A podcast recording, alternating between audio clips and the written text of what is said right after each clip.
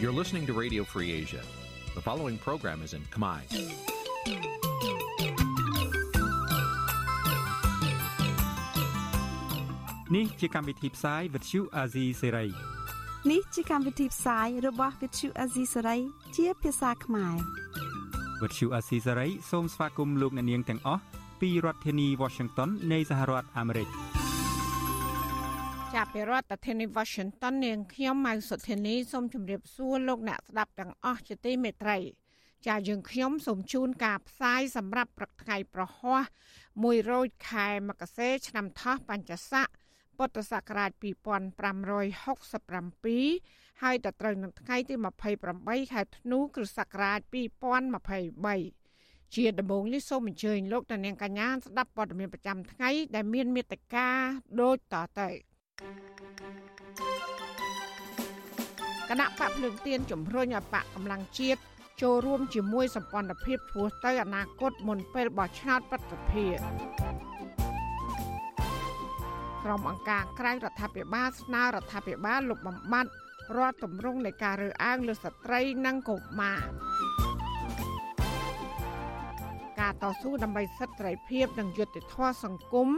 របស់ក្រមស្ត្រីមួយចំនួន ក្នុងឆ្នាំ2023គណៈបកកម្លាំងជាតិស្នើរដ្ឋាភិបាលឲ្យទប់ស្កាត់អំពើជួញដូរមនុស្សទៅប្រទេសចិនឲ្យមានប្រសិទ្ធភាពរួមនឹងព័ត៌មាន សំខាន់សំខាន់មួយចំនួនទៀតជាជាបន្តទៅទៀតនេះនាងខ្ញុំម៉ៅសុធានីសូមជូនព័ត៌មានទាំងនោះពឺស្ដាប់ចាលោកនានីជាទីមេត្រីទីប្រឹក្សាគណៈបកកម្លាំងជាតិលោករងឈុន អះអាងថាគណៈបករបស់លោកត្រៀមធ្វើសម្បទានឲ្យគណៈបកភ្លើងទៀនក្នុងការចូលរួមការបោះឆ្នោតប្រតិភិននៅឆ្នាំ2024ខាងមុខលោករងឈុនក៏ត្រៀមខ្លួនជជែកជាមួយនឹងមេដឹកនាំគណៈបកភ្លើងទៀនប្រសិនបើមានការចរចាកើតឡើងទោះយ៉ាងណាភាគីខាងគណៈបកភ្លើងទៀនឆ្លើយតបមកវិញថាបើគណៈបកកម្លាំងជាតិចង់ធ្វើការងារជាមួយគណៈបកភ្លើងទៀន លុះត្រាតែគណៈបកនេះចូលរួមជាមួយសម្ព័ន្ធភាពរបស់គណៈបកនេះជាមុនសិនចាប់ពីរដ្ឋធានី Washington លោកយ៉ងច័ន្ទតារារាយការណ៍ព័ត៌មាននេះទីប្រឹក្សាគណៈបកកម្លាំងជាតិលោករងឈុនឲ្យវិទ្យុអាស៊ីសេរីដឹងនៅថ្ងៃទី27ធ្នូថាមេដឹកនាំគណៈបកកម្លាំងជាតិនិងមេដឹកនាំគណៈបកភ្លើងទៀនធ្លាប់ជួបគ្នាក្រៅផ្លូវការដើម្បីជជែកគ្នាក្នុងនាមជាអ្នកប្រជាធិបតេយ្យដូចគ្នានិងតាក់ទងការចូលរួមការបោះឆ្នោតព្រឹទ្ធសភាខាងមុខនេះ លោកបន្តថារហូតមកដល់ពេលនេះមិនទាន់មានជំនួបផ្លូវការណាមួយកើតមាននៅឡើយទេលោករងឈុនដែលជាអតីតអនុប្រធានគណៈបកភ្លើងទៀនបញ្ជាក់ទៀតថាគណៈបកកម្លាំងជាតិត្រៀមខ្លួនសម្បទានឲ្យគណៈបកភ្លើងទៀននៅក្នុងការបែងចែកភូមិភាគគ្នាឈរឈ្មោះពីព្រោះមធ្យោបាយនេះมันបានធ្វើឲ្យបាត់បង់សម្លេងអង្គបោះឆ្នោតឡើយ ឥឡូវនេះយើងមិនទាន់អាចបញ្ជាក់ថានឹងសម្បទានអ្វីខ្លះទេតែគាត់ថាយើងនឹងមានគោលចំហថានឹងមានការសម្បទានអានឹងវាសម្បទានគ្នាទៅវិញទៅមកឈ្នះឈ្នះទាំងអស់គ្នាអានឹងត្រូវតែមានលក្ខណៈសម្បទានឬមួយយើងថាបែងចែកភូមិភាគបែបម៉េចអានឹងទៅលើការជជែកគ្នាបើសិនជាគណៈបកកម្លាំងជាតិធ្វើការសម្បទានហើយភាគីមកខាងទៀតមិនសម្បទានអានឹងក៏វាអត់ត្រូវគ្នា តកតងទៅនឹងការលើកឡើងរបស់លោករងឈុនបែបនេះវិទ្យុអាស៊ីសេរីមិនអាចសុំការឆ្លើយតបពីអគ្គលេខាធិការគណៈបកភ្លើងទៀនលោកលីសុធិរាយុទ្ធបានទេ នៅថ្ងៃទី27ខែធ្នូចំណែកអតីតអ្នកនាំពាក្យគណៈបកភ្លើងទៀនលោកគឹមសួរភិរិទ្ធដែលសពថ្ងៃជាសមាជិកគណៈបច្ឆន្ទៈខ្មែរប្រាប់ថាលោកមិនបានដឹងអំពីជំនួបក្រៅផ្លូវការរវាងមេដឹកនាំគណៈបកភ្លើងទៀនជាមួយនឹងគណៈបកកម្លាំងជាតិនោះទេក៏ប៉ុន្តែលោកយល់ថាជំនួបផ្លូវការ រវាងមេដឹកនាំគណៈបកទាំងពីរនៅពេលនេះទំនងជាពិបាកនឹងកើតមានឡើងណាស់លោកគឹមសួរភិរិទ្ធបញ្ជាក់ពីជំហរដដែលថាប្រសិនបើគណៈបកកម្លាំងជាតិចង់សហការជាមួយនឹងគណៈបកភ្លើងទៀនគណៈបកនេះអាចចូលរួមជាមួយសម្ព័ន្ធភាពនយោបាយរបស់គណៈបកភ្លើងទៀនជាមុនសិនចឹងទេហើយជាពិបាកអាចទៅជជែកគ្នាពីការបោះឆ្នោតក្រុមប្រឹក្សាស្រុកហេតុអីណាខ្លួនខ្ញុំខ្ញុំប្រកាសទៅណាប្រាប់ទៅថាបើសិនជា ខាងថ្នាក់ដឹកនាំនឹងចូលទាំងចំពោះជាតិពីឥឡូវទៅខ្លួនខ្ញុំផ្ទាល់ដែលជាបេក្ខជនបណ្ដាប់ទី1នៅភូមិភាគ7ខ្ញុំសុខចិត្តបញ្ជាប់ហើយក៏ខ្ញុំមានលែងឲ្យខាងនោះដែរឲ្យតែព្រមចូលមានសម្ព័ន្ធភាពពីព្រោះដើម្បីផលប្រយោជន៍វិញគណៈបកភ្លើងទៀនបានចងសម្ព័ន្ធភាពនយោបាយជាមួយនឹងគណៈបកកែតម្រង់កម្ពុជាគណៈបកប្រជាធិបតេយ្យមូលដ្ឋាន និងគណៈបកឆន្ទៈខ្មែរគណៈបកភ្លើងទៀនដែលមិនអាចចូលរួមការប្រគល់ប្រជែងការបោះឆ្នោតខាងមុខនេះបានផ្ដល់សិទ្ធិឲ្យគណៈបកឆន្ទៈខ្មែរ ចូលរួមប្រគល់ប្រជែងការបោះឆ្នោតព្រឹទ្ធសភាជំនួសខ្លួន នៅពេលនេះមេដឹកនាំគណៈបកនេះរួមមានអនុប្រធានគណៈបកភ្លើងទៀនបណ្ឌិតសុកហាជនិងមន្ត្រីជាន់ខ្ពស់គណៈបកភ្លើងទៀនផ្សេងទៀតដូចជាលោកហុងសុខហួរលោកកុងម៉ូនីកា បានឈរឈ្មោះជាបេក្ខជននៃគណៈបកឆន្ទៈខ្មែរសម្រាប់ការបោះឆ្នោតជ្រើសតាំងសមាជិកព្រឹទ្ធសភាដែលនឹងប្រព្រឹត្តទៅ នៅថ្ងៃទី25ខែកុម្ភៈឆ្នាំ2024ខាងមុខ ចំណែកគណៈបកកម្លាំងជាតិដែលមេដឹកនាំនិងអ្នកគាំទ្រភាគច្រើនមកពីគណៈបកភ្លើងទៀនក៏បានដាក់បញ្ជីឈរឈ្មោះចូលរួមការបោះឆ្នោតព្រឹទ្ធសភានេះដែរនាយកប្រតិបត្តិអង្គការឃ្លាំមើលការបោះឆ្នោតនៅកម្ពុជាហៅកាត់ថា Netflix លោកសំគុណធីមីយល់ឃើញថាប្រសិនបើគណៈបកទាំងពីរមិនបានជជែករោគដំណោះស្រាយបែងចែកភូមិភាគគ្នាឈរឈ្មោះទេនោះនឹងធ្វើឲ្យបែកសម្លេងឆ្នោតរបស់ខ្លួនអ្នកជំនាញកិច្ចការបោះឆ្នោតរូបនេះយល់ថា ជំរឿសល្អគឺគណៈបកទាំងពីរគួរជួបជជែករោគដំណោះស្រាយឬរៀបចំផែនការសម្រាប់ការឈរឈ្មោះបោះឆ្នោតប្រសិទ្ធភាពខាងមុខនេះបោះឆ្នោតទៅប្រតិភិហ្នឹងយើងមើលទៅអង្គបោះឆ្នោតចេញមកពីគណៈបកភ្លើងទៀនណាសមាជិកក្រុមប្រឹក្សាគុំហ៎បាទដល់អញ្ចឹងទៅវាបែកស្លឹកឆ្នោតហើយដូចតែមួយវាមិនអីណាអ្នកខ្លុំមើលការបោះឆ្នោតព្យាករថាគណៈបកភ្លើងទៀនដែលមានអង្គបោះឆ្នោតជាសមាជិកក្រុមប្រឹក្សាគុំសង្កាត់នៅទូទាំងប្រទេសជាង2000អាសនៈ អាចនឹងទទួលបានកៅអីព្រឹទ្ធសភាចំនួន8អាសនៈក៏ប៉ុន្តែប្រសិនបើគ្មានការជជែកគ្នារវាងមេដឹកនាំគណៈបកភ្លើងទៀននិងគណៈបកកម្លាំងជាតិទេនោះអាចនឹងធ្វើឲ្យបែកសម្លេងឆ្នោតគ្រប់គ្រងដែលផលចំណេញគឺបានទៅគណៈបកប្រជាជនកម្ពុជា របស់លោកហ៊ុនសែនខ្ញុំយ៉ងច័ន្ទដារាវិទ្យុអាស៊ីសេរី Washington ចាលោកនាងជាទីមេត្រីក្រុមអង្គការក្រៅរដ្ឋាភិបាលនៅតែអះអាង ថាសកម្មភាពបោកបញ្ឆោតមនុស្សពីកម្ពុជាយកទៅជួញដូរកម្លាំងពលកម្មនិងបង្ខំរៀបការជាមួយបរិសនៅប្រទេសចិនព្រមទាំងប្រទេសដទៃទៀតគឺมันបានថយចុះទេក្នុងឆ្នាំ2023តើមូលហេតុអ្វីបានជាអំពើជួញដូរមនុស្សមិនថយចុះចាសសេចក្តីរាយការណ៍ពុស្ដាមពីរឿងនេះលោកណានៀងនឹងបានស្ដាប់នាពេលបន្តិចទៀតនេះ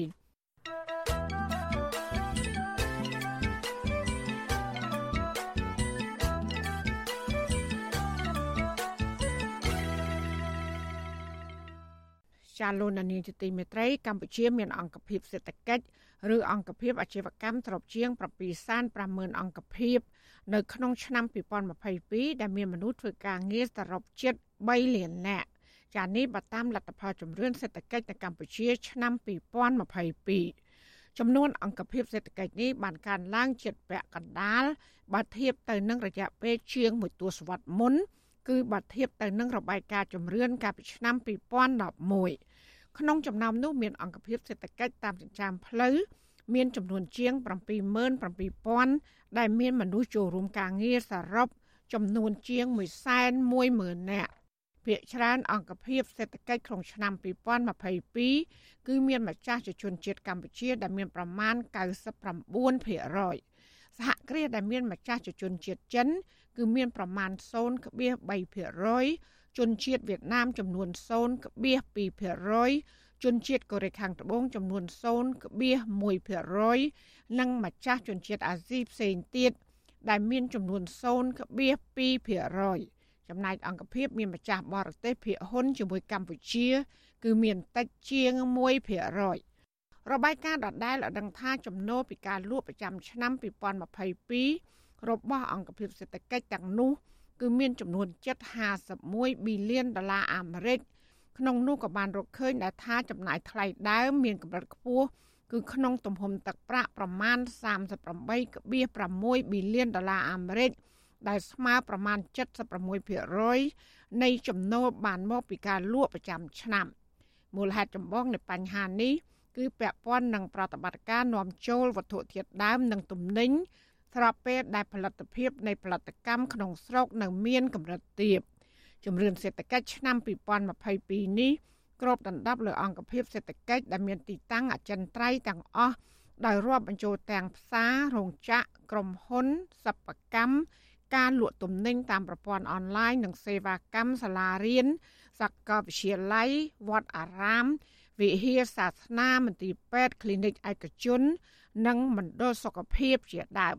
ជំរឿននេះត្រូវបានស្ថាប័នពាក់ព័ន្ធធ្វើឡើងក្នុងរយៈពេលពេញមួយខែមីនា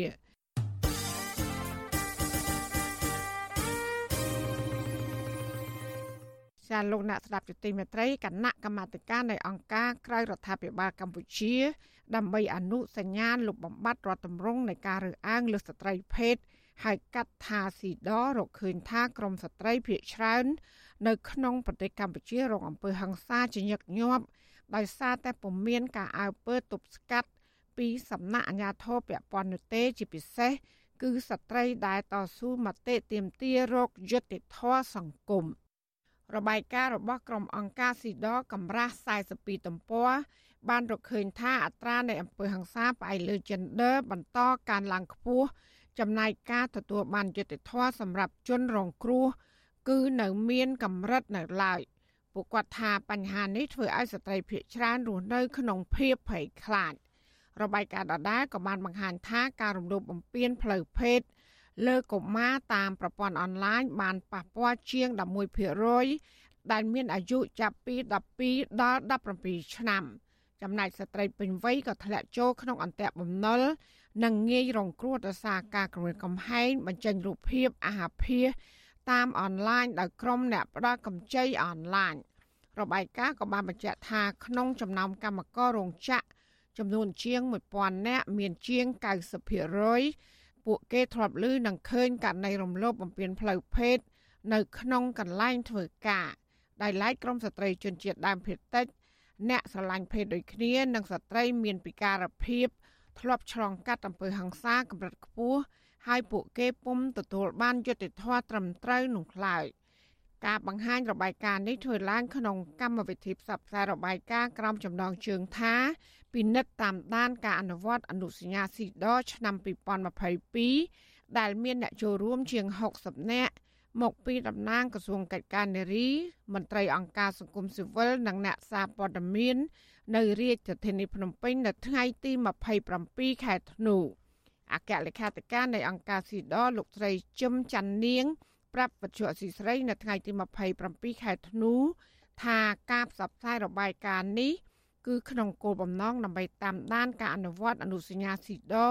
ឆ្នាំ2022របស់កម្ពុជា ដើម្បីជំរុញអរដ្ឋាភិបាលគោរពនិងមានវិធានការទប់ស្កាត់រាល់ទម្រង់នៃអំពើហិង្សាលើស្ត្រីក្មេងស្រីនិងអ្នកស្រឡាញ់ភេទដូចគ្នា។ វាគឺជារឿងមួយដែលព្រួយបារម្ភមែនទែនព្រោះទោះបីជារដ្ឋាភិបាលរបស់យើងចាលោកបានទទួលស្គាល់ក៏ដោយថាបញ្ហានៃការប្រើអំពើហិង្សាលើស្ត្រីនឹងវាគឺជាបញ្ហារបស់សង្គមហើយវាធ្វើឲ្យប៉ះពាល់ទៅដល់ការអភិវឌ្ឍសង្គមក៏ដោយប៉ុន្តែយើងឃើញជាក់ស្ដែងគឺដំណោះស្រាយដើម្បីជាក់លាក់ដើម្បីឲ្យឈានទៅរកការបញ្ចប់ការប្រើអំពើហិង្សាទាំងអស់ហ្នឹងយើងឃើញថានៅមានកម្រិតនៅឡើយនៅគ្រប់វិស័យចាអញ្ចឹងវាអាចធ្វើឲ្យប៉ះពាល់ពាល់ផងដែរទៅដល់កាតព្វកិច្ចរបស់រដ្ឋាភិបាលនៅក្រមអនុសញ្ញាអន្តរជាតិផ្សេងផ្សេងទៀតដែលរដ្ឋាភិបាលយើងបានចុះសច្ចាប័នរបាយការណ៍ដដែលក៏បានបង្ហាញថានៅឆ្នាំ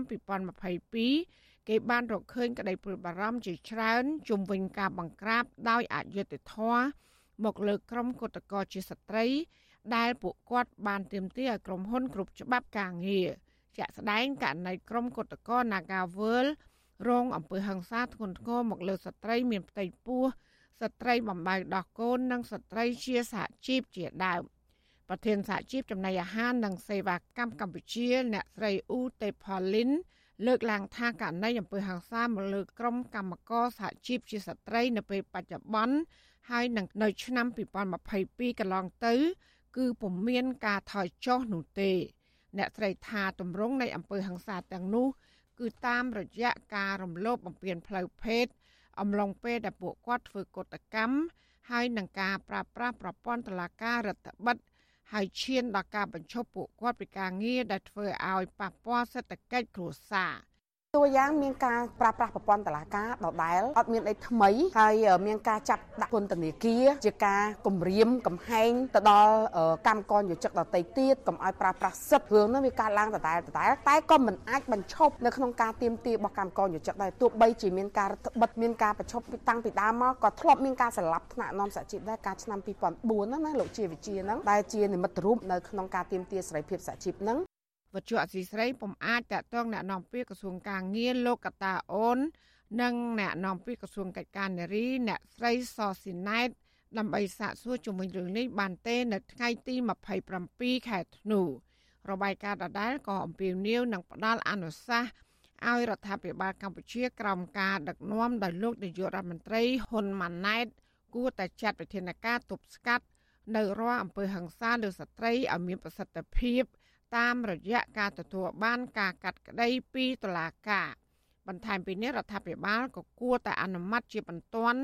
នៅអនុសញ្ញារបស់អង្គការពលកម្មអន្តរជាតិលេខ190ស្ដីអំពីអំពើហិង្សានិងការបៀតបៀននៅក្នុងការងារហើយបញ្ចប់ការដាក់ទោសប្រមទ័ននិងរដ្ឋបិទប្រឆាំងមកលើស្ត្រីពពោះជំនួស ចាលោកនានីជាទីមេត្រីពាក់ព័ន្ធនឹងស្ត្រីនៅក្នុងប្រទេសកម្ពុជានេះដែរក្រមស្ត្រីមួយចំនួនក្នុងឆ្នាំ2023បានបន្តតស៊ូដើម្បីយុត្តិធម៌សង្គមនិងការអនុវត្តសិទ្ធិរបស់ពួកគេក្នុងនាមជាប្រវត្តិនៅក្នុងសង្គមប្រជាធិបតេយ្យស្ត្រីដែលលេចធ្លោក្នុងការតស៊ូទាំងនេះមានដូចជាកញ្ញាសេងធីរីកញ្ញាឈឹមស៊ីធនិងក្រុមគឧតកោនាការវើលក្រុមស្ត្រីមានចំនួនដីធ្លី ក្រុមស្ត្រីថ្ងៃសុកនិងក្រុមស្ត្រីវ័យក្មេងនៃចលនាមេដាធម្មជាតិជាដើមតើការតស៊ូរបស់ក្រុមស្ត្រីទាំងនោះឆ្លោះបញ្ចាំងអ្វីខ្លះក្នុងឆ្នាំ2023ហើយថាតើពួកគេចង់បានឲ្យមានការផ្លាស់ប្ដូរអ្វីខ្លះនៅក្នុងឆ្នាំ2024ខាងមុខចាសសេចក្តីរាយការណ៍ពិស្ដារអំពីរឿងនេះលោកណានៀងក៏នឹងបានស្ដាប់នាពេលបន្តិចទៀតនេះ ចាលោកដានៀងកញ្ញាជាទីមេត្រីដំណើរគ្នានឹងស្ដាប់ការផ្សាយរបស់វិទ្យុអសីស្រី តាមបណ្ដាញសង្គម Facebook YouTube និង Telegram លោកដានៀងក៏អាចស្ដាប់ការផ្សាយរបស់យើងតាមរយៈរលក ធាតុអាកាសខ្លីឬ Shortwave តាមកម្រិតនិងកម្ពស់ដូចតទៅចាប់ពីព្រឹកចាប់ពីម៉ោង5កន្លះដល់ម៉ោង6កន្លះតាមរយៈប៉ុស SW 93.90 MHz ស្មើនឹងកម្ពស់ 32m និងប៉ុស SW 11.85 MHz ស្មើនឹងកម្ពស់ 25m ចាសម្រាប់ពេលយប់វិញ គឺចាប់ពីម៉ោង7កន្លះដល់ម៉ោង8កន្លះគឺតាមរយៈប៉ុស SW 93.30 MHz ស្មើនឹងកម្ពស់ 32m ប៉ុស SW 11.88 MHz ស្មើនឹងកម្ពស់ 25m និងប៉ុស SW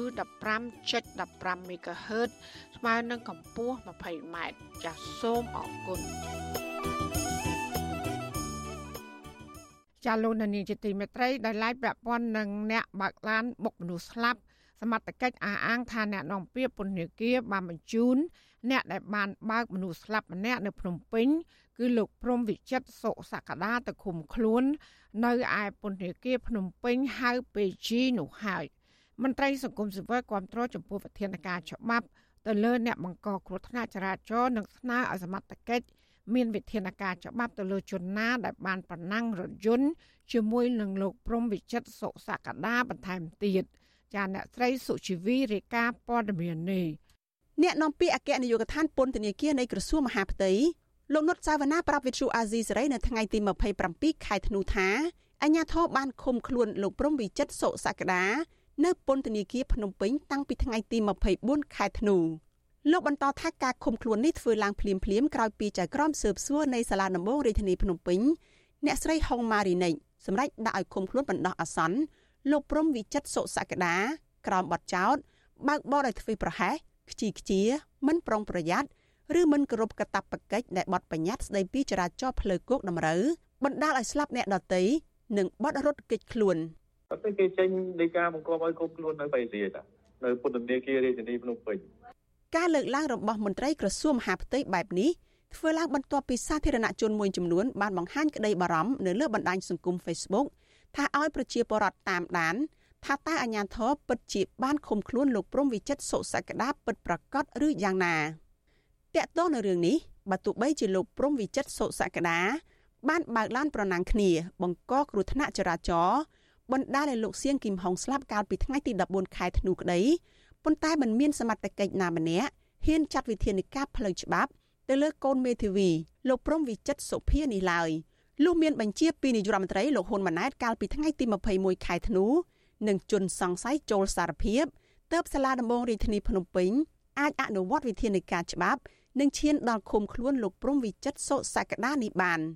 ជុំវិញរឿងនេះនាយកទទួលបន្ទុកកិច្ចការទូតនៃអង្គការឃ្លាំមើលសិទ្ធិមនុស្សលីកាដូលោកអំសំអាតគាំទ្រចំពោះវិធានការច្បាប់មើងម៉ាត់ទៅលើជនបង្កគ្រោះថ្នាក់ចរាចរណ៍បណ្ដាលឲ្យមនុស្សស្លាប់វាជាការបង្ហាញគំរូមួយ សម្រាប់អ្នកដតីឲ្យគិតថាទោះបីជាខ្លួនកូនអ្នកណាក៏ដោយ នៅពេលដែលមានការបង្កឲ្យមានការគ្រោះថ្នាក់ចរាចរណ៍ដោយមិនគោរពតាមច្បាប់អាចនឹងទទួលទោសដូចគ្នាអាចនឹងត្រូវបានចាប់និងឃុំខ្លួនដូចគ្នាហើយនេះវាជាគំរូទៅដល់អ្នកដតីហើយជាការកាត់បន្ថយវប្បធម៌នីតិភាពឬក៏ភាពគ្មានទោសបីមិនន័យថាទោះបីជាយើងជាកូនអ្នកណាក៏ដោយនៅពេលដែលខុសច្បាប់គឺត្រូវតែអនុវត្តតាមផ្លូវច្បាប់ លោកអំសំអាតបន្ថែមថាដើម្បីទប់ស្កាត់កុំឲ្យកើតមានករណីគ្រោះថ្នាក់ចរាចរណ៍ដោយសារកូនអ្នកមានទ្រព្យសម្បត្តិឬមានអំណាចប្រណាំងរថយន្តលើផ្លូវសាធារណៈសមត្ថកិច្ចគួរមានវិធានការច្បាប់ទៅលើម្ចាស់រថយន្តមួយរូបទៀតដែលបានបើកប្រណាំងគ្នាជាមួយលោកព្រំវិចិត្រសុសក្តាផងដែរវិទ្យុអាស៊ីសេរីនៅមិនទាន់អាចតាក់ទងแนะនាំពាក្យនៃស្នងការដ្ឋាននគរបាលរាជធានីភ្នំពេញលោកសំវិជ្ជការ ដើម្បីសាកសួរព័ត៌មានពីអ្នកដែលបានបើកឡានប្រណាំងជាមួយនឹងលោកព្រំវិចិត្រសុសក្តានោះបាននៅឡើយទេ នៅថ្ងៃទី27ខែធ្នូក្រសួងសាធារណការនឹងដឹកជញ្ជូនបានឲ្យដឹងថាយ៉ាងហោចណាស់មនុស្ស1000នាក់បានស្លាប់និងជាង2700នាក់ផ្សេងទៀតបានរងរបួសធ្ងន់ស្រាលដោយសារតែគ្រោះថ្នាក់ចរាចរណ៍នៅរយៈពេល8ខែដើមឆ្នាំ2023រដ្ឋមន្ត្រីក្រសួងនេះលើកឡើងថា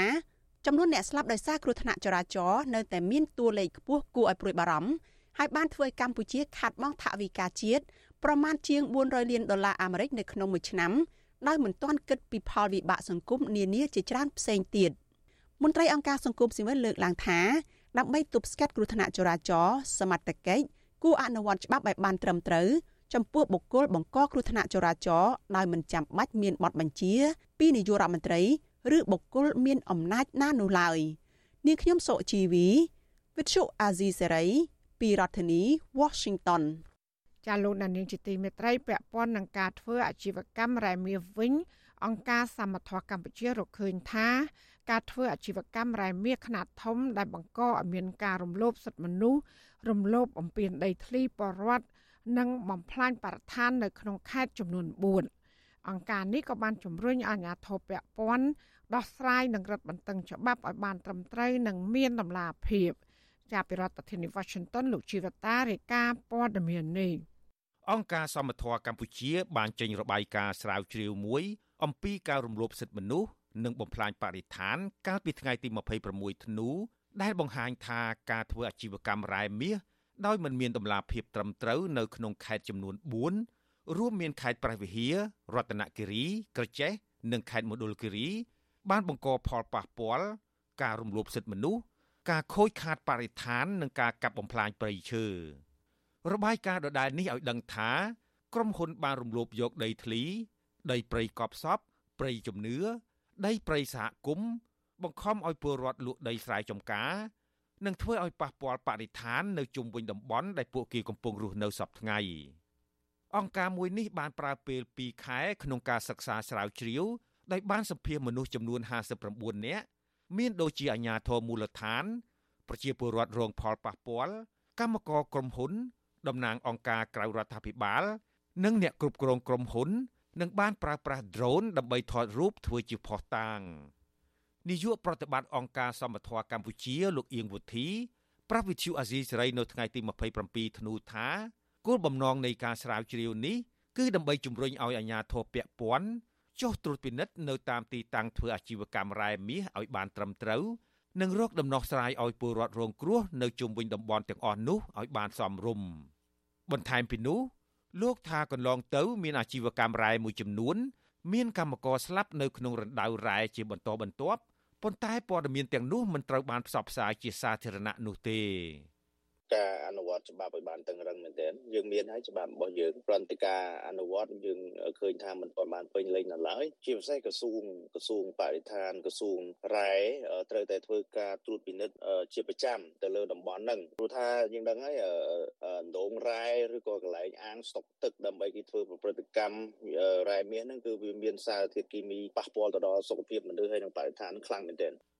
វិទ្យុអាស៊ីសេរីមិនទាន់អាចតាក់ទងប្រធានអង្គភិបអ្នកណាំពាក្យរដ្ឋាភិបាលលោកប៉ែនបូណានិងអ្នកនាំពាក្យក្រសួងរាយនឹងធម្មពលលោកអឹងឌីប៉ូឡាដើម្បីសុំការឆ្លើយតបជុំវិញរឿងនេះបានទេ នៅថ្ងៃទី27ធ្នូដោយទូរស័ព្ទចូលតែគ្មានអ្នកទទួលនៅក្នុងរបាយការណ៍កម្រាស់59ទំព័ររបស់អង្គការសមត្ថៈកម្ពុជានេះក៏បានរំលេចឈ្មោះក្រុមហ៊ុនចំនួន5ធំធំដែលកំពុងធ្វើអាជីវកម្មរ៉ែមាសប៉ះពាល់ដល់ពលរដ្ឋនិងបរិស្ថាន ក្នុងនោះមានដូចជាក្រុមហ៊ុនសឹងយ័នគួងយីកខូ LDT ស្ថិតនៅក្នុងខេត្តក្រចេះក្រុមហ៊ុនរងឆេង Industrial Investment នៅខេត្តមណ្ឌលគិរីក្រុមហ៊ុន Delcom Cambodia ក្រុមហ៊ុន Sinzan Industrial Cambodia នៅខេត្តព្រះវិហារនិងក្រុមហ៊ុនអង្គរ Gold Corp Mesco Gold នៅខេត្តរតនគិរីពលរដ្ឋម្នាក់ដែលកំពុងរងគ្រោះពីការធ្វើអាជីវកម្មរបស់ក្រុមហ៊ុន នៅឃុំយ៉ាតុងស្រុកអូយ៉ាដាវខេត្តរតនគិរី គឺលោកស្រីពួយជីវ៉ាឲ្យដឹងថា ក្រុមហ៊ុនអង្គរ Gold Corp Mesco Gold បានបង្ខំឲ្យអ្នកភូមិលក់ដីចំការដំណាំប្រមាណ30ហិកតា ទៅឲ្យក្រុមហ៊ុនដើម្បីធ្វើអាជីវកម្មរ៉ែមាសកាលពីកន្លងទៅប៉ុន្តែបច្ចុប្បន្នក្រុមហ៊ុននេះកំពុងបំពេញបន្ថែមទៀតលើដីចំការរបស់ប្រជាពលរដ្ឋដោយបានចូលទៅរុករករ៉ែនៅក្នុងដីស្រែចម្ការរបស់អ្នកភូមិដោយមិនមានការអនុញ្ញាត ហើយអ្នកភូមិបានរាយការណ៍សកម្មភាពទាំងនោះទៅអាជ្ញាធរភូមិឃុំ តែអាជ្ញាធរមិនព្រមអើពើរកដំណោះស្រាយជូនពួកគាត់នោះទេដើរខួងដើររុករកអត់ដឹងដើរធ្វើអីទេពេញតចការចិត្តមកដល់ភូមិហ្នឹងចាមានការព្រួយបារម្ភមានការភ័យខ្លាចខ្លាចដល់គេរកឃើញហើយគេឃើញរាយគេឃើញអីនៅមកដល់ភូមិគេនឹងអាចដេញយើងចេញពីភូមិហ្នឹងក៏មានចឹងដែរថាតែយើងអត់យើងខ្លាចយើងបើប្រាប់ទៅអាជ្ញាធរក៏មិនអើពើជាមួយពួកគាត់គាត់នឹងធ្វើមិនដែរកាលពីខែតុលាឆ្នាំ2023នេះ អង្គការអន្តរជាតិមួយឈ្មោះ Bruno Menser Fund រកឃើញថាគម្រោងអាជីវកម្មរ៉ែធំធំនៅក្នុងតំបន់ជំរកសត្វព្រៃព្រៃឡង់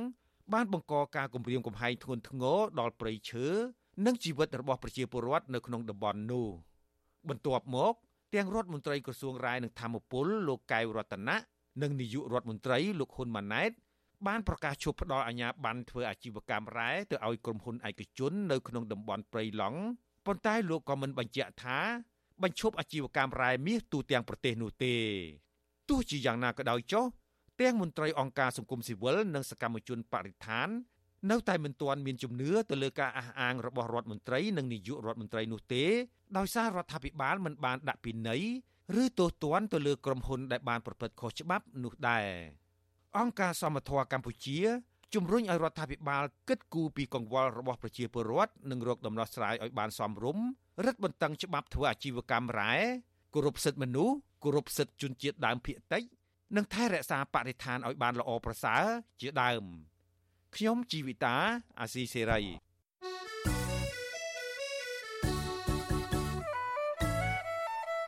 ជាលោកនានីជាទីមេត្រីកម្មវិធី podcast កម្ពុជាសប្តាហ៍នេះ របស់វិទ្យុអស៊ីស្រីចេញផ្សាយនៅរៀងរាល់ព្រឹកថ្ងៃសៅរ៍នៃសប្តាហ៍នីមួយៗមកនៅប្រទេសកម្ពុជា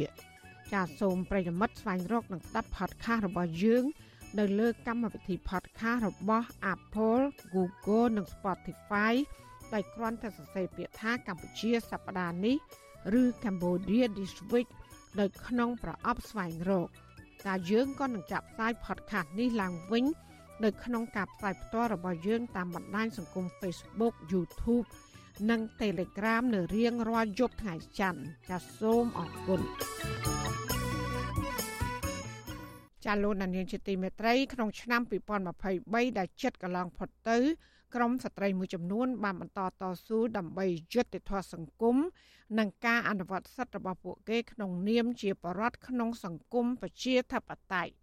ចាស្ត្រីដែលលេចធ្លោក្នុងការតស៊ូទាំងនេះរួមមានកញ្ញាសេងធីរីកញ្ញាឈឹមស៊ីធនិងក្រុមកុតកោ Nagawal ក្រុមស្ត្រីមានចំនួនដីធ្លីក្រុមស្ត្រីថ្ងៃសុខនិងក្រមស្ត្រីវ័យក្មេងនៃចលនាមេដាធម្មជាតិជាដើមតើការតស៊ូរបស់ក្រមស្ត្រីទាំងនេះឆ្លោះបញ្ចាំងអ្វីខ្លះនៅក្នុងឆ្នាំ2023ហើយថាតើពួកគេចង់បានឲ្យមានការផ្លាស់ប្ដូរអ្វីខ្លះ នៅក្នុងឆ្នាំ2024ខាងមុខចាប់ពីរដ្ឋធានី Washington អ្នកត្រីសុជីវី មានសេចក្តីរាយការណ៍ពឹស្ដារជំវិញព័ត៌មាននេះដូចតទៅ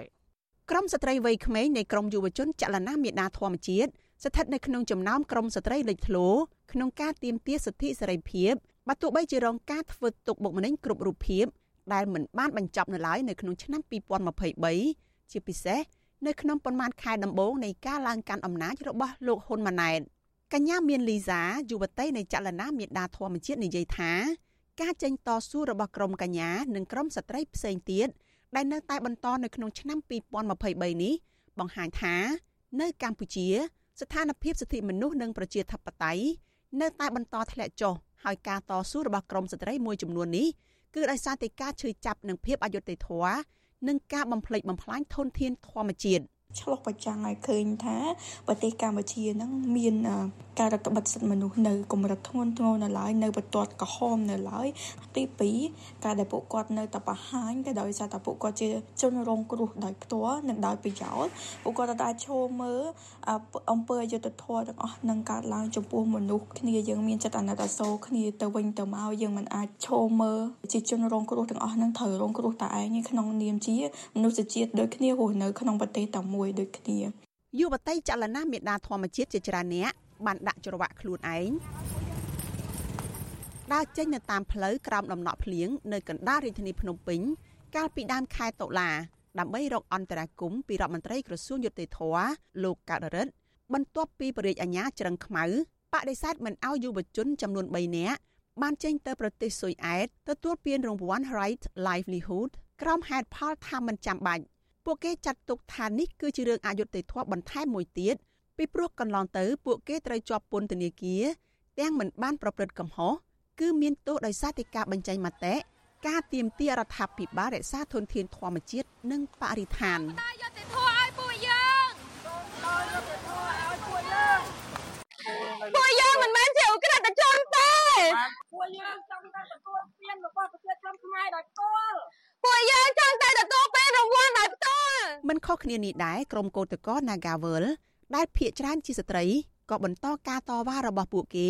ប្រឆាំងនឹងការបណ្តេញពួកគេពីការងារការរើសអើងសហជីពនិងការចាប់មេដឹកនាំសហជីពកញ្ញាឈឹមស៊ីធដាក់ពន្ធនាគារជាលើកទី2ដែលជារឿងអយុត្តិធម៌មិនអាចឲ្យពួកគេទទួលយកបានគិតត្រឹមថ្ងៃទី18ខែធ្នូនេះការតវ៉ារបស់ក្រុមកោតក្រនេះមានរយៈពេល2ឆ្នាំគត់ ពួកគេថានឹងនៅតែបន្តទៀមទារហូតដល់មានដំណោះស្រាយបើទោះបីជារងការធ្វើទុកបុកម្នេញការចោទប្រកាន់ថាជាក្រុមបដិវត្តពណ៌ស៊ីឈ្នួលធ្វើកោតកម្មនិងជួបការលំបាកក្នុងជីវភាពយ៉ាងណាក៏ដោយពួកគេចង់បានដំណោះស្រាយវិវាទការងារនិងឲ្យមានការដោះលែងកញ្ញាឈឹមស៊ីថពីពន្ធនាគារ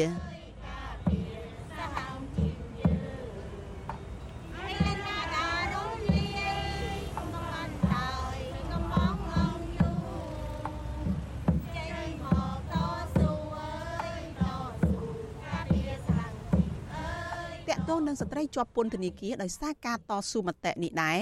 មេធាវីនិងជាអ្នកជំនាញវិទ្យាសាស្ត្រនយោបាយអន្តរជាតិក៏ជាស្ត្រីម្នាក់លេចធ្លោក្នុងការទាមទារសិទ្ធិសេរីភាព និងយុត្តិធម៌ដែរនៅក្នុងឆ្នាំ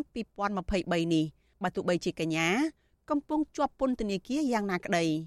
កញ្ញាបានធ្វើកោតកម្មបង្អត់អាហាររយៈពេលជិតមួយសប្តាហ៍នៅក្នុងខែធ្នូនេះទាមទារឲ្យតុលាការដោះលែងកញ្ញារហូតដល់ធ្លាក់ខ្លួនឈឺ នៅពេលដែលក្រុមសកម្មជននៅខាងក្រៅពន្ធនាគារប្រារព្ធទិវាសិទ្ធិមនុស្សអន្តរជាតិកញ្ញាសេងធីរីដែលមានសញ្ជាតិអាមេរិកដែលមានទោសដោយសារតែអនុវត្តសិទ្ធិសេរីភាពនយោបាយតែងតែអះអាងថាមិនចុះញោមនឹងការធ្វើទុកបុកម្នេញពីសំណាក់តុលាការ និងអាជ្ញាធររដ្ឋាភិបាល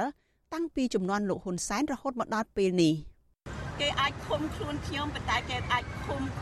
កំណត់ស្មារតីរបស់ខ្ញុំទេគំនិតស្មារតីរបស់ខ្ញុំជារបស់ខ្ញុំអត់មានអ្នកណាអាចឃុំស្មារតីខ្ញុំបានទេស្មារតីយើងរឹងមាំរឹងមាំ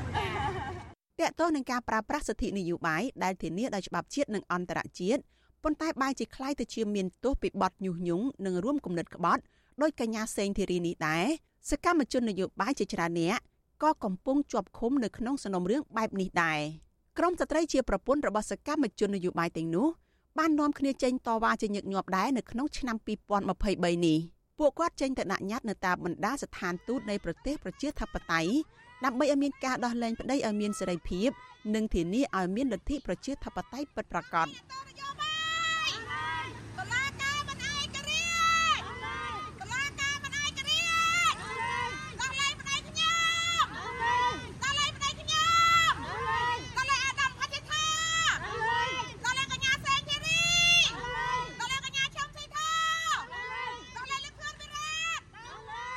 ព័ន្ធនឹងរឿងនេះគិតចាប់តាំងពីឆ្នាំ2018មកដល់ពេលនេះមានសកម្មជននយោបាយអ្នកបរិស្ថាន និងអ្នកការពារសិទ្ធិមនុស្សប្រមាណ120នាក់ត្រូវអាជ្ញាធរចាប់ដាក់ពន្ធនាគារដោយសារតែការអនុវត្តសិទ្ធិសេរីភាពបញ្ចេញមតិនិងសិទ្ធិនយោបាយក្នុងនោះមនុស្សប្រមាណ40នាក់កំពុងជាប់ក្នុងពន្ធនាគារងាកមកយុវតីមានលីសាវិញនិស្សិតផ្នែកច្បាប់រូបនេះចង់ឲ្យរដ្ឋាភិបាលដឹកនាំដោយលោកហ៊ុនម៉ាណែតនៅក្នុងឆ្នាំ2024ខាងមុខ ធានាដោះស្រាយបញ្ហាទាំងអស់នេះសម្រាប់ឆ្នាំថ្មីនេះឲ្យតែខ្ញុំចង់ឃើញពីនាយករដ្ឋមន្ត្រីថ្មីផងដែរសម្រាប់ស្ត្រីក្លាហានទាំងអស់ហ្នឹងគឺទី1ការផ្ដល់តម្លៃដល់ស្ត្រី ក្នុងនាមជា អ្នកការពារសិទ្ធិមនុស្សសកម្មជន អ្នកការពារយុត្តិធម៌សង្គមដែលសុទ្ធតែជាធនធានមនុស្សដែលសុទ្ធតែជាសម្លេងសំខាន់ក្នុងការអភិវឌ្ឍប្រទេសដែលរដ្ឋាភិបាលត្រូវតែយកចិត្តទុកដាក់ខ្លាំងនិងផ្ដល់តម្លៃស្ដាប់សម្លេងរបស់ពួកយើងលើសពីនេះ កញ្ញាមានលីសាក៏ចង់ឃើញអាជ្ញាធរពាក់ព័ន្ធដោះលែងអ្នកជាប់ឃុំម្នាក់សិកាបញ្ចប់ការប្រើប្រាស់តុលាការជាអាវុធធ្វើទុកបុកម្នេញសកម្មជនតទៅទៀតនិងងាកមកគោរពសិទ្ធិមនុស្សនិងដើរតាមគន្លងប្រជាធិបតេយ្យពិតប្រាកដចាក្នុងឱកាសពិធីបុណ្យចូលឆ្នាំថ្មីចាឆ្នាំសកលឆ្នាំ2024នេះចាសូមឲ្យឆ្នាំថ្មីនាំមកនៅជោគជ័យថ្មី ចាសេរីសួស្តីវិបុលសុខដល់លោកអ្នកនាងនិងក្រុមគ្រួសារកុំបីឃ្លៀងឃ្លាតឡើយ ចានេះខ្ញុំសុជីវី វិទ្យុអាស៊ីសេរីពីរដ្ឋធានី Washington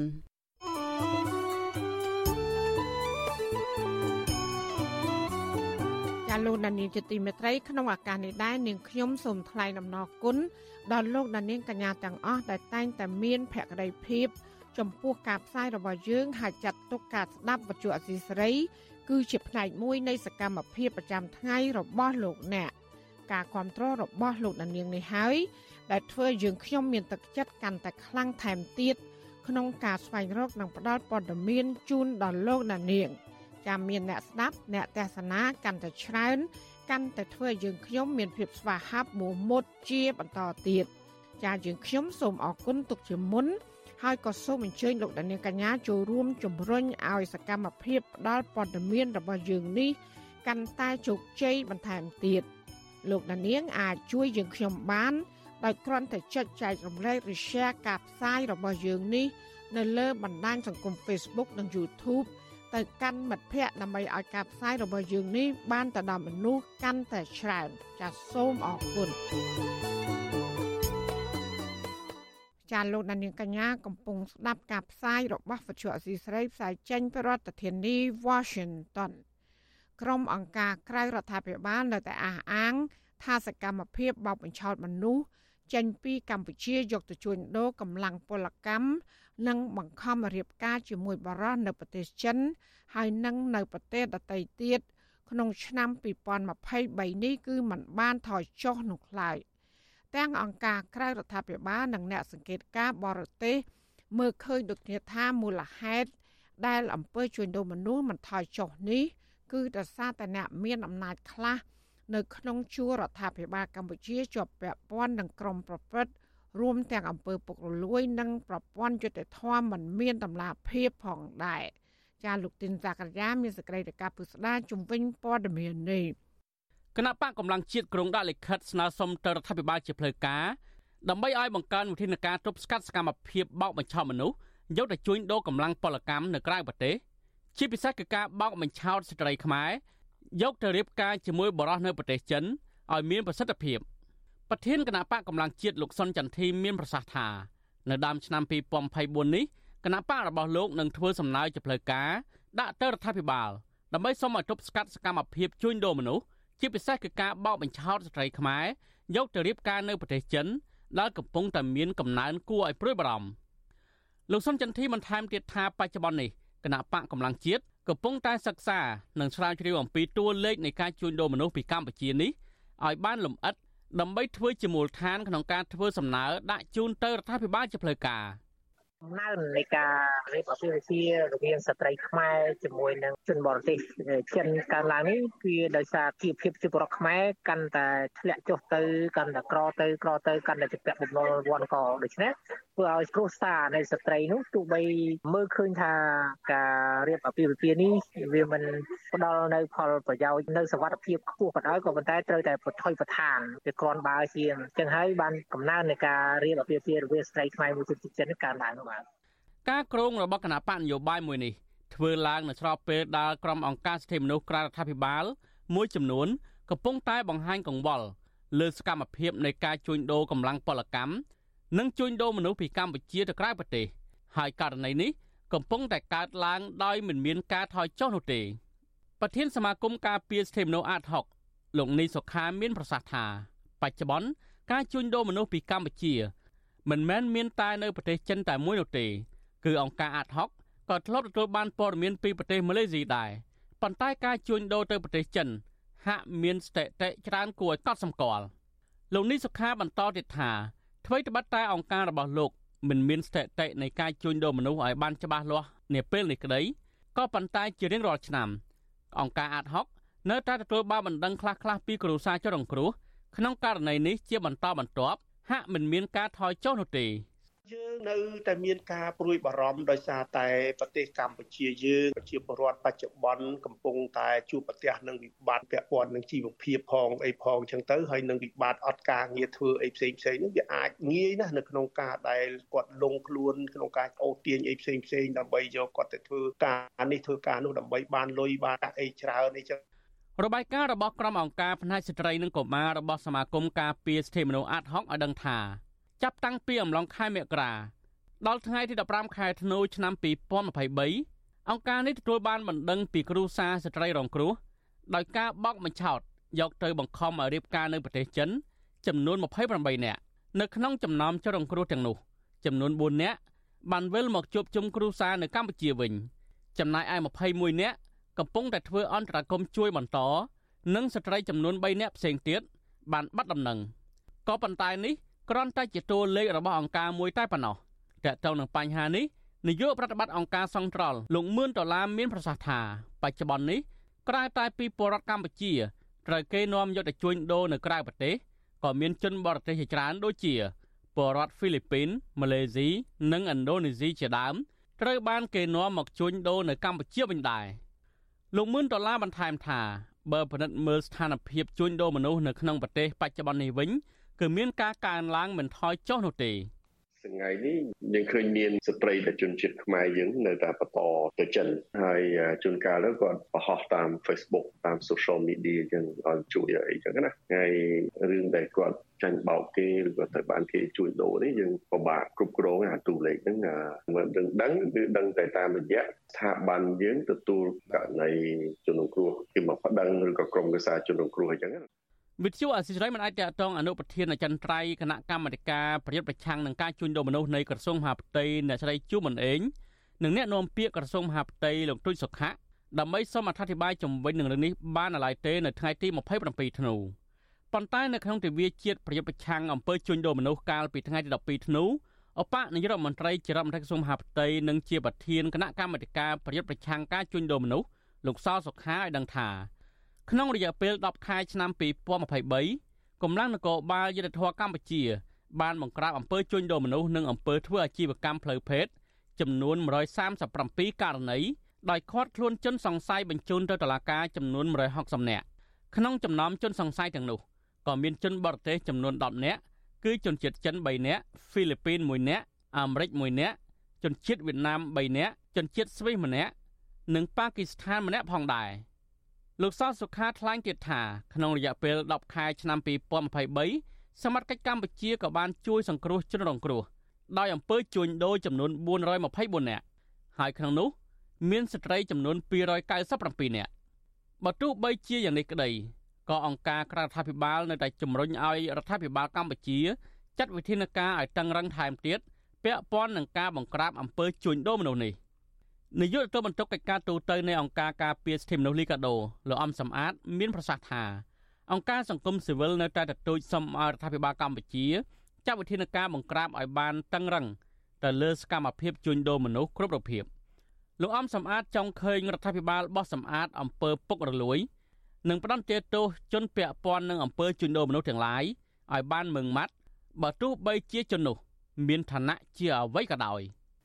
ហើយពង្រឹងក្នុងការអនុវត្តច្បាប់និងកិច្ចសហការជាមួយនឹងបណ្ដាប្រទេសជិតខាងជាដើមដើម្បីទប់ស្កាត់ពីព្រោះបញ្ហាការជួញដូរមនុស្សគឺជារឿងមួយធ្ងន់ធ្ងរដែលមិនគោរពទៅលើសេចក្តីថ្លៃថ្នូររបស់មនុស្សហើយបង្កើតឲ្យមនុស្សហ្នឹងរងទុក្ខវេទនាធ្ងន់ធ្ងរនៅក្នុងការជួញដូរមនុស្សហ្នឹងអញ្ចឹងហើយបានគេទាមទារឲ្យមានការបង្ក្រាបនិងការទប់ស្កាត់និងការលុបបំបាត់ទៅលើបញ្ហានៃការជួញដូរមនុស្ស របាយការណ៍របស់អង្គការសហប្រជាជាតិចេញផ្សាយកាលពីខែសីហារកឃើញថាកម្ពុជានិងភូមាឬមីយ៉ាន់ម៉ាគឺជាកន្លែងនៃការប្រព្រឹត្តអំពើឆោបោកតាមប្រព័ន្ធអនឡាញនៅតំបន់អាស៊ីអាគ្នេយ៍យ៉ាងហោចណាស់មានមនុស្សប្រមាណជា100000នាក់បានក្លាយជាជនរងគ្រោះដោយសារតែការបង្ខំឲ្យប្រព្រឹត្តអំពើឆោបោកតាមប្រព័ន្ធអនឡាញនៅកម្ពុជា ក្រុមអង្គការក្រៅរដ្ឋាភិបាល និងអ្នកស៊ើបអង្កេតបរទេសបានរកឃើញដូចគ្នាថា មូលហេតុដែលធ្វើឲ្យអំពើជួញដូរមនុស្សនៅតែបន្តកើតមាននៅកម្ពុជាដោយសារតែអំពើពុករលួយ នៅក្នុងប្រព័ន្ធយុត្តិធម៌និងមន្ត្រីរដ្ឋាភិបាលមួយចំនួនដែលមានទូនាទីក្រាក់ក្រាក់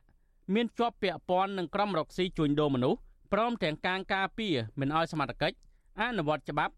ឲ្យមានប្រសិទ្ធភាព ក្នុងការបង្ក្រាបជនដែលជាមុខសញ្ញាជួញដូរមនុស្សទាំងនោះឡើយ។ ប្រធានគណៈបកកម្លាំងជាតិលោកសុនចន្ទធីជំរុញឲ្យរដ្ឋាភិបាលលោកហ៊ុនម៉ាណែតគួរតែប្រឹងប្រែងតាក់ទាញអ្នកវិនិយោគទុនពីបណ្ដាប្រទេសលោកសេរីឲ្យចូលមករកស៊ីឲ្យបានច្រើនដើម្បីបង្កើតការងារសម្បូរបែបឲ្យប្រជាពលរដ្ឋកម្ពុជាមានការងារធ្វើ និងមានប្រាក់ចំណូលដើម្បីកាត់បន្ថយការធ្វើចំណាកស្រុកទៅរកការងារធ្វើនៅក្រៅប្រទេសដែលជាហេតុធ្វើឲ្យងារប្រឈមនឹងការជួញដូរមនុស្សលោកសុនចន្ទធីយល់ឃើញទៀតថាដើម្បីទាក់ទាញអ្នកវិនិយោគទុនពីបណ្ដាប្រទេសលោកសេរី ឲ្យចូលមកវិនិយោគទុននៅកម្ពុជារដ្ឋាភិបាលក្រុងភ្នំពេញគួរតែងាកមកគោរពសិទ្ធិមនុស្សនិងស្ដារលទ្ធិប្រជាធិបតេយ្យឡើងវិញដោយគោរពច្បាប់និងបើកឲ្យមានលំហសិទ្ធិសេរីភាពខាងបញ្ចេញមតិមិនមានការគំរាមកំហែងដល់គណៈបកប្រឆាំងនិងរៀបចំឲ្យមានការបោះឆ្នោតដោយសេរីត្រឹមត្រូវនិងយុត្តិធម៌ឡើងវិញជាដើមខ្ញុំបាទទីនសាការីយ៉ាអស៊ីសេរីប្រធានាធិបតី Washington លោកដានៀងជាទីមេត្រីយើងបានទទួលសំណូមពរពីអ្នកស្ដាប់និងអ្នកទស្សនារបស់យើងច្រើនណាស់ថាកុំឲ្យដាក់ចំណងជើងផ្ទុយពីខ្លឹមសារនៃព័ត៌មានឧទាហរណ៍ដូចជាដាក់ចំណងជើងថា Vivo ហើយលោកហ៊ុនសែនត្រូវតឡាការប្រំពន្ធអន្តរជាតិ ICC យកទៅកាត់ទោសជាដើមក៏ប៉ុន្តែនៅពេលដែលចុចស្ដាប់ទៅ គឺមិនលឺនិយាយអំពីរឿងនេះសោះចាយើងខ្ញុំសូមជម្រាបថាការដាក់ចំណងជើង ដែលខុសពីខ្លឹមសារទាំងនេះគឺជាការបោកប្រាស់របស់ក្រុមរកស៊ីតាម YouTube ដើម្បីរកលុយតែប៉ុណ្ណោះពួកគេបានលួចយកខ្លឹមសារនៃការផ្សាយរបស់វិទ្យុអសីស្រី ទៅកាត់តរួចបដូរចំណងជើង តាមរបៀបប្លែកប្លែកហួសហេតុដែលខុសពីការពិតក្នុងគោលបំណងតាក់ទាញចិត្តលោកនាងឲ្យចុចស្ដាប់ឬទស្សនាដើម្បីបាន view ឬក៏បានអ្នកចូលទស្សនាច្រើន។ មានអ្នកចុចស្ដាប់កាន់តែច្រើន ពួកគេក៏កាន់តែរកប្រាក់បានច្រើននោះដែរចាទីស្រីមិនដែលដាក់ចំណងជើងខុសពីខ្លឹមសារនោះទេលោកអ្នកនាងកញ្ញាអាចចូលរួមទប់ស្កាត់ការបោកប្រាស់ទាំងនេះបានដោយឈប់ចុចស្ដាប់ឬក៏ទស្សនាការចុះផ្សាយណាមួយដែលដាក់ចំណងជើងខុសប្លែកគួរសង្ស័យទាំងនេះចាជាពិសេសទៅទៀតគឺដើម្បីស្ដាប់ឬក៏ទស្សនាការផ្សាយពិតរបស់អាស៊ីសេរី សូមលោកនាងកញ្ញាចូលទៅក្នុង Channel របស់អសីសេរីតែម្ដង ដែលមានអាសយដ្ឋាន www.youtube.com/rfa ខ្មែរចាសសូមអរគុណលោកអ្នកស្ដាប់ទទីមេត្រីពាក់ព័ន្ធនឹងបញ្ហាទិញផ្ទះនៅបរិយវិញអតិថិជនទិញផ្ទះអ្នកអុកញ៉ាលេងនវត្រាអះអាងថានៅក្នុងកុងត្រារបស់ក្រុមហ៊ុន គឺត្រូវសាងសង់ផ្ទះអតិថិជនរយៈពេល3ឆ្នាំឲ្យរៀបរាល់ក៏ប៉ុន្តែមកដល់ពេលនេះ គឺម្ចាស់បរិយមិនបានបំពេញទូនាទីរបស់ខ្លួននោះទេសកម្មជនសង្គមលើកឡើងថាករណីអតិថិជនទិញផ្ទះហើយមិនបានផ្ទះនិងគ្មានចំណាត់ការច្បាប់លើអ្នកអុកញ៉ាទាំងនោះ បង្ហាញពីប្រាជ័យដ៏ធំនៃប្រព័ន្ធតុលាការហើយបង្កឲ្យមានជនបោកប្រាស់ កាន់តែច្រើនឡើងក្នុងវិស័យសំណង់អចលនទ្រព្យចានេះគឺជាសកម្មភាពពុស្ដារបស់កញ្ញាខណ្ឌលក្ខណាជំវិញបញ្ហានេះអតិថិជនទិញផ្ទះអ្នកអង្គញាលេងនវត្រាទទូចរដ្ឋាភិបាលជួយរកដំណោះស្រាយដោយទំលាយថា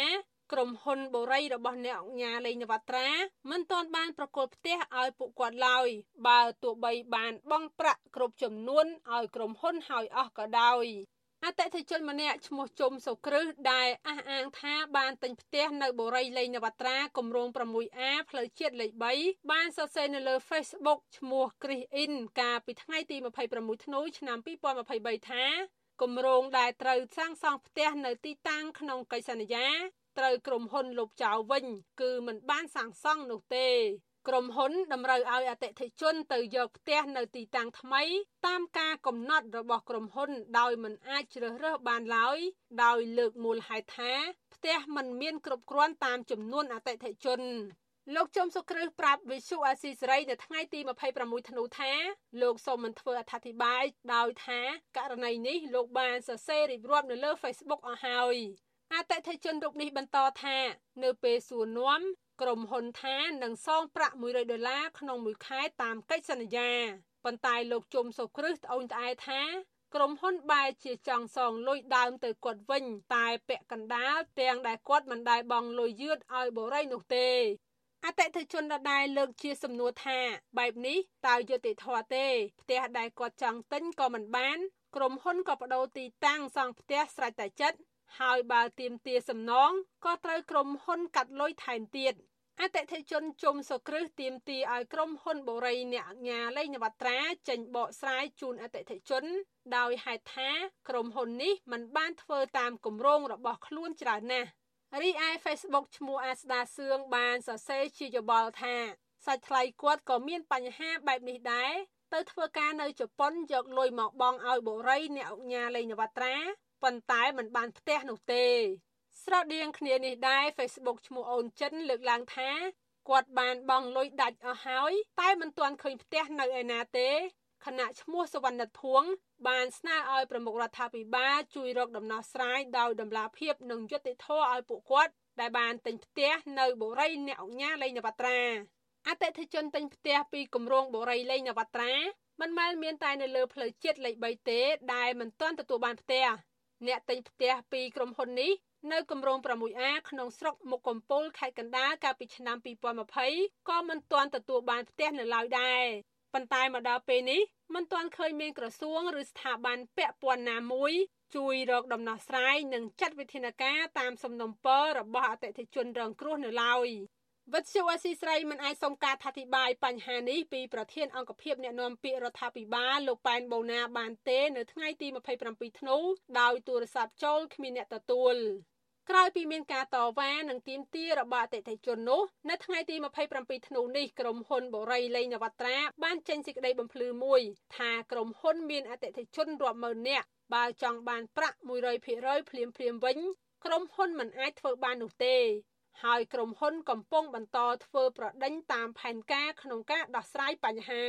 ក្រុមហ៊ុននេះតម្រូវឲ្យអតិថិជនជ្រើសរើសតាមការកំណត់របស់ក្រុមហ៊ុន ដូចជាទុកពេលឲ្យក្រុមហ៊ុនសាងសង់ដោះដូរផ្ទះដោះដូរយកដីតម្លៃស្មើផ្ទះជំនួសវិញ សម្រួលយកលុយពាក់កណ្ដាលនៃលុយដើមវិញ និងជំរើសផ្ដល់ផ្ទះស្នាក់នៅបណ្ដោះអាសន្នទម្រាំក្រុមហ៊ុនសាងសង់ផ្ទះរួចជាដើមក្នុងលិខិតបំភ្លឺរបស់អ្នកអង្គការលេងនវត្រាក៏បានទម្លាក់កំហុសលើការសាងសង់យឺតយ៉ាវរបស់ខ្លួន ពីផលប៉ះពាល់វិបត្តិសេដ្ឋកិច្ចសកលទៅវិញប៉ុន្តែហេតុផលនេះ នៅមិនទាន់សមទំនងដែលឲ្យមហាជនជឿទុកចិត្តនោះទេ ពីព្រោះក្នុងរយៈពេលជាង2ឆ្នាំចុងក្រោយនេះអ្នកអង្គការលេងនវត្រាមានលុយបរិច្ចាគរហូតជិត15លានដុល្លារដល់ស្ថាប័នមួយចំនួនដែលស្ថិតនៅក្រោមការត្រួតត្រានៃសមាជិកគ្រួសារលោកហ៊ុនសែននិងឲ្យលោកហ៊ុនសែនដោយផ្ទាល់ក្នុងរូបភាពជំនួយមនុស្សធម៌ ជាការពិតលុយប្រមាណ10លានដុល្លារត្រូវអ្នកអង្គការលេងនវត្រាផ្ដល់ឲ្យរដ្ឋាភិបាលលោកហ៊ុនសែនហើយជិត4លានដុល្លារទៀតឲ្យកាក់ក្បាត់ក្រហមកម្ពុជាដែលដឹកនាំដោយភរិយារបស់លោកហ៊ុនសែនគឺអ្នកស្រីប៊ុនរ៉ានីហើយជិតកន្លះលានដុល្លារទៀតសម្រាប់ក្រុមគ្រូពេទ្យស្ម័គ្រចិត្តរបស់លោកហ៊ុនសែនដែលកាន់កាប់ដោយភរិយាលោកហ៊ុនម៉ាណែត ទាំងនេះមិនទាន់រាប់បញ្ចូលលុយបរិច្ចាគម្ដងម្ដងរាប់សិបម៉ឺនដុល្លារទៀតដែលអ្នកអង្គការលេងនវត្រាបានប្រគល់ឲ្យលោកហ៊ុនសែនដោយផ្ទាល់នៅពេលលោកហ៊ុនសែនចុះចែកអំណោយម្ដងម្ដង កាលគាត់នៅជានាយករដ្ឋមន្ត្រី ហើយត្រូវបានលោកហ៊ុនសែនបង្ហាញការពេញចិត្តលើកសរសើរជាញឹកញាប់មានដូចជាអង្គការលេវណាត្រាឯណានៅកាលណាមានទាំងអ្នកជំហៀងព្រៀបសវັດខេមអីហ្នឹងគេមកជាមួយ គេជួយ60ម៉ឺនដុល្លារអង្គញាវ័យក្មេងមួយនេះជួយដល់60ម៉ឺនដុល្លារនោះសកម្មជនបរិស្ថានលោកលីចន្ទរាវុធប្រាប់វិសុអាស៊ីសេរីនៅថ្ងៃទី27ធ្នូថាអង្គញាណាដែលស្ថិតនៅក្នុងប្រព័ន្ធរបស់អ្នកកាន់អំណាចដូចជាអង្គញាឧស្សាហ៍ជួយលុយដល់អ្នកកាន់អំណាចកំរត្រូវបានចាប់ខ្លួនណាស់ទោះបីអង្គញានោះប្រព្រឹត្តអំពើខុសច្បាប់ក៏ដោយហើយបើចាប់ខ្លួនឬក៏ជាប់ពន្ធនាគារក៏មិនយូរដែរលោកក៏សម្គាល់ថា ករណីលោកលេងនវត្រាដែលអតិថិជនទិញផ្ទះហើយមិនបានផ្ទះនិងគ្មានការចាត់ការតាមផ្លូវច្បាប់នោះបង្ហាញពីបរាជ័យដ៏ធំនៃប្រព័ន្ធតុលាការហើយបង្កឲ្យមានជនបោកប្រាស់កាន់តែច្រើនក្នុងវិស័យសំណង់អចលនទ្រព្យលោកលេងនវត្រាហាក់ដូចជាមិនខ្វាយខ្វល់អំពីអំណាចតុលាការឯម៉ាទេគាត់ខ្វល់ខ្វាយទៅជាមួយនឹងអំណាចរបស់អ្នកកាន់អំណាចអញ្ចឹងហើយនៅពេលដែលគេត្រូវការលុយគាត់បញ្ចេញលុយទៅ ជួយគេដើម្បីគាត់រំពឹងមកវិញគឺគេនឹងជួយគាត់នៅពេលដែលគាត់នឹងមានរឿងក្តីពិបាកដូចជាសពថ្ងៃនឹងអញ្ចឹងគឺគាត់អាចកិច្ចផុតពីតឡាការបានដោយមិនមានការដោះស្រាយអីទាំងអស់ដែលធ្វើឲ្យប្រជាជននឹងគាត់មិនអាចទៅរកដំណោះស្រាយណាហើយគាត់បង់លុយទៅហើយក៏គ្មានផ្ទះហើយគាត់ចង់យកលុយមកវិញក៏មិនបាន អ្នកអង្គការលេងនវត្រាគឺជាមនុស្សស្និទ្ធនឹងលោកនាយករដ្ឋមន្ត្រីហ៊ុនម៉ាណែតនិងជាក្មួយប្រសាររបស់លោកហ៊ីប៊ុនហៀងអគ្គមេបញ្ជាការរងនៃកងយុទ្ធពលខេមរៈភូមិន្ទនិងជាមេបញ្ជាការដ្ឋានអង្គរៈលោកហ៊ុនសែនទោះបីអ្នកអង្គការលេងនវត្រាបានកាប់បំផ្លាញនិងឈូសឆាយព្រៃឈើនៅភ្នំតាម៉ៅអស់600ហិកតាក៏ដោយក៏លោកហ៊ុនសែននិងលោកហ៊ុនម៉ាណែតចេញមុខការពារជាសាធារណៈដែរខ្ញុំខណ្ឌលក្ខណាវັດជុអាស៊ីសេរី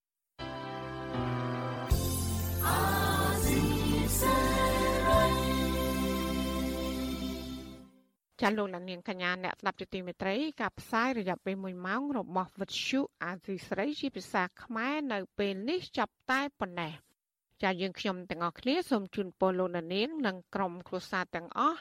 សូមជួបប្រកបតែនឹងសេចក្តីសុខសេចក្តីចម្រើន ជានិរន្តរ៍ចានាងខ្ញុំម៉ៃសុធានីព្រមទាំងក្រុមការងារទាំងអស់របស់អាស៊ីស្រីសូមអរគុណនិងសូមជម្រាបលា